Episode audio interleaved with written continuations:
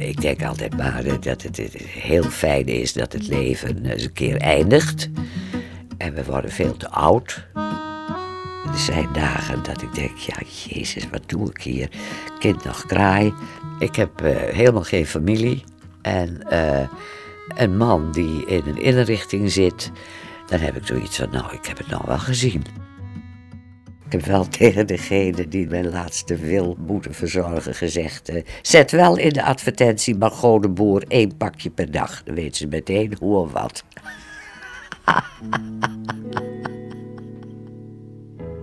ja, ik denk toch dat dat mijn Joodse voorouders zijn, waar ik die wat zwarte humor van heb geërfd. Man lacht waar man sonst weint. Uh, dat helpt. Dit is Het leven een gebruiksaanwijzing. Met verschillende verhalen van mensen die elkaar niet kennen, maar die op de een of andere manier met hetzelfde probleem worstelen. Ik ben Margot de Boer, 85 jaar oud en ik heb alles al een keer meegemaakt. Dus ze hebben mij gevraagd dit programma te presenteren. Aflevering 6. Hoe te doen alsof er niets aan de hand is. Een programma van René van S en Esma Linneman. Ik heb mijn rolletje, kwastje. Nou, dan ga ik naar mijn gang en dan moeten we een stukje afplakken. Dit is Joost, 59 jaar. Hij woont met zijn vrouw in het dorpje Zoeterwoude. Nou, heel zachtjes ga ik met mijn tape langs de, langs de muur naar beneden, naar het plintje toe. Maar op goed geluk. Joost schilderde zijn leven lang monumentale gebouwen. Nu wil hij een muurtje sausen op zijn zolder. Dat gaat niet meer zoals vroeger, omdat zeven jaar geleden zijn zicht ineens achteruit ging. Het eerste wat mij een keer opviel was met een uh, digitale fotocamera. Dat ik met mijn oog doorheen keek en dat was omscherp. En ik kijk terug op de display scherp. En dan keek ik weer met datzelfde oog onscherp. Ik denk, nou, hoe kan dat dan? Weet je, ik met het andere oog kijken en dat ging wel goed. Nou, je denkt van, nou, het zal allemaal wel, weet je, niks aan de hand. Zes tot acht weken later, uh, heel veel onderzoeken gehad, dat de oogarts ineens conclusie kwam dat ik de ziekte van Leber had. En dat, ja, dat, dat is zeer zeldzaam. Maar in principe was ik in de acht weken tijd zeer slechtziend. Nou, hoe, hoe ga je dat aanpakken? Hoe doe je dat? Het, past niet bij mij, weet je, het hoort niet bij mij. Ik ben gewoon een vakidioot, levensgenieter voor je gezin en uh, alles wat er omheen hangt. En ja, je weet gewoon niet hoe, hoe, je met je leven eigenlijk moet omgaan. Want ja, je, je bent gewoon de eerste week ben je, ben je alleen maar aan het huilen. Ontzettend veel verdriet.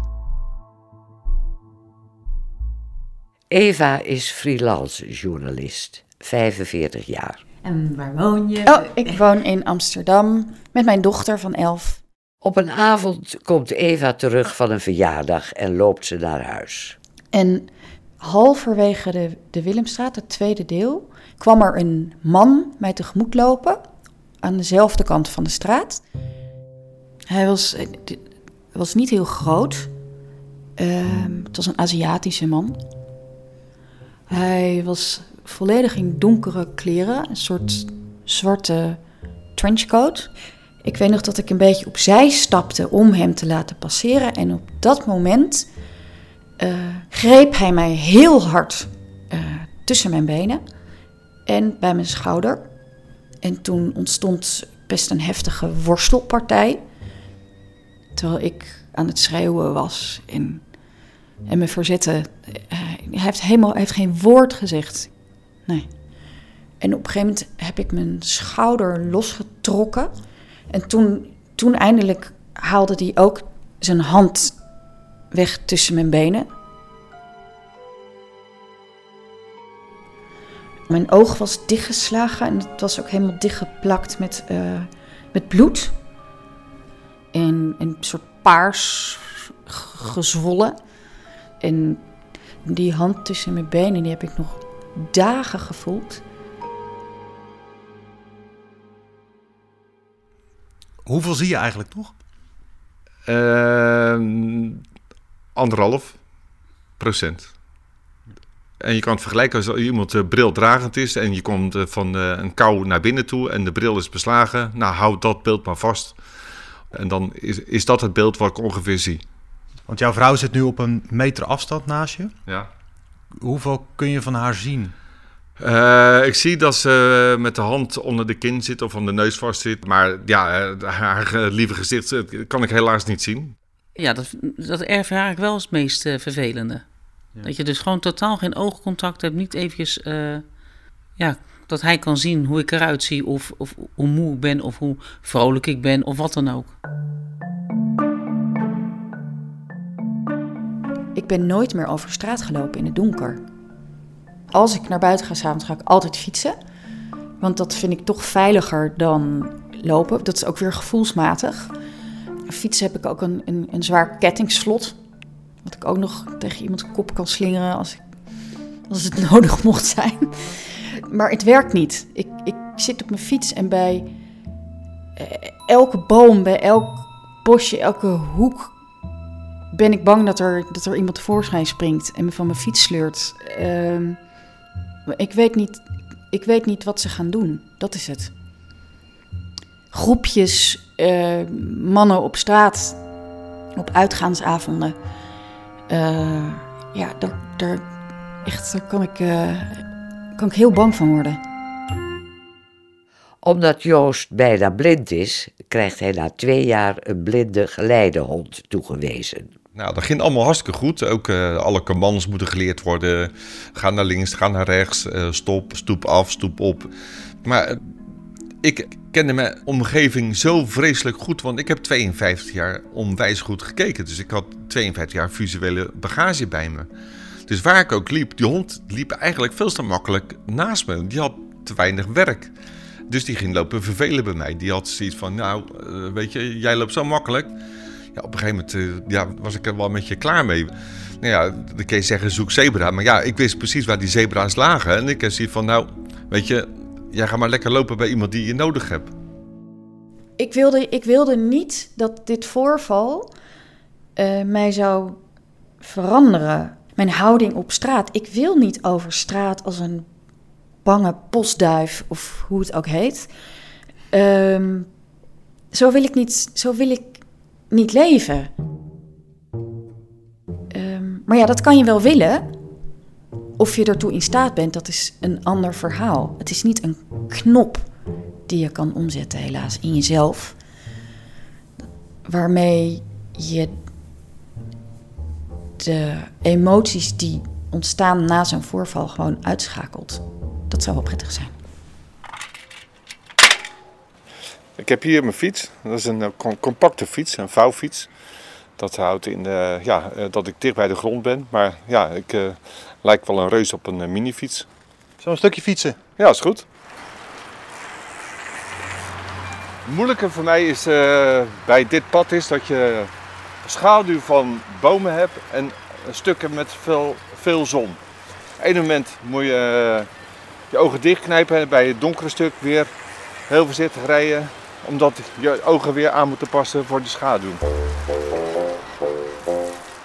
Zie je deze tegen liggen? Nee, nee, nu pas. Ja. Ben, ben je niet bang dat je dan te laat bent? Nee, nee, nee, nee want ik eh, probeer zoveel mogelijk aan de, aan de kant te rijden, rechts te houden. En dan op het laatste moment, dan, uh, ja, dan zit ik wel eens tegen een voetganger aan. Dat, maar dat gaat, ja, het is nog niet gelukt om iemand aan te rijden. Ik heb één keer met hem gefietst. Met dat kleine fietsje aan het fietsen was. Nou, dat was, vond ik geen succes. Wat gebeurde er? Ja, hij gaat gewoon midden op de weg rijden. Ik bedoel, omdat hij... Ja, het middengedeelte ziet hij niet. Dus ja, dan neemt hij de veilige kant. Dan gaat hij niet aan de slootkant, maar gewoon midden op de weg. Ik zei elke keer tegen mezelf van... Kom op, je moet het gewoon doen. Als je het doet, dan, dan kom je daar vanzelf overheen. En je zo proberen te, te beschermen tegen, tegen wat er is gebeurd. Um, maar dat werkte ook niet. Want ik, um, ik raakte gewoon helemaal in paniek op straat. En ik kwam dan thuis en het kon uren duren voor ik uit die staat van paniek weer kwam. Ik ben nu bijna zeven jaar onderweg met slecht zien. En ik ben één keer ben ik gestruikeld.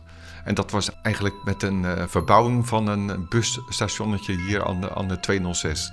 En uh, daar stond een, een stoepbalk stond was. En nou, daar lag ik. Nou, is de eerste keer dat ik eigenlijk plat op mijn bek eh, viel. Maar voor de rest ben ik eigenlijk nooit gevallen nooit tegen een glazen deur aangelopen. De, soms denk ik van, het gaat net al goed, maar ik mag mezelf troosten dat ik zo snel kan handelen met mijn beperking.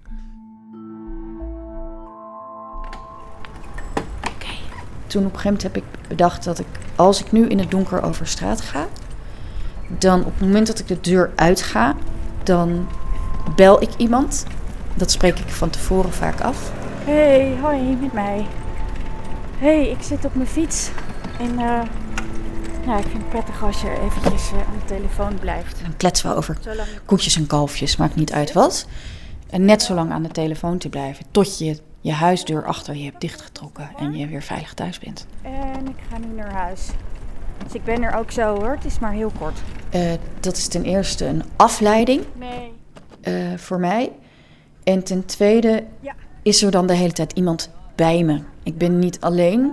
En dat blijf ik net zo lang doen totdat ik merk bij mezelf... Ja. hé, hey, ik kan eigenlijk best zonder. Uiteindelijk ben je niet meer de, de oude Joost. Ja, dat klopt wel. Maar ja, ik hobbel, ik hobbel gewoon door en ik doe net of er niks aan de hand is. Ik deed eigenlijk in eerste instantie ook of er niks aan de hand was. Met mij. Het was wel gebeurd. Dat was heel kloten. Maar het had in mij niks veranderd. Het had mijzelf niet veranderd. En nou ja, dat is, dat is gewoon onzin. Natuurlijk verandert iemand als er zoiets gebeurt. Ik kan soms echt boos worden, zoiets van... Laat maar eens zien dat je gewoon slechtziend bent. Of kom er nou maar eens echt voor uit dat je slechtziend bent. En het is natuurlijk wel zijn karakter die er gewoon niet vooruit komt.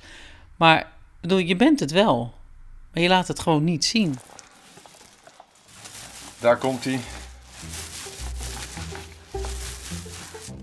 Dit gaat eigenlijk, als je lang schildert, kunnen we het eigenlijk allemaal blindelings doen. Nog een beetje verf erbij.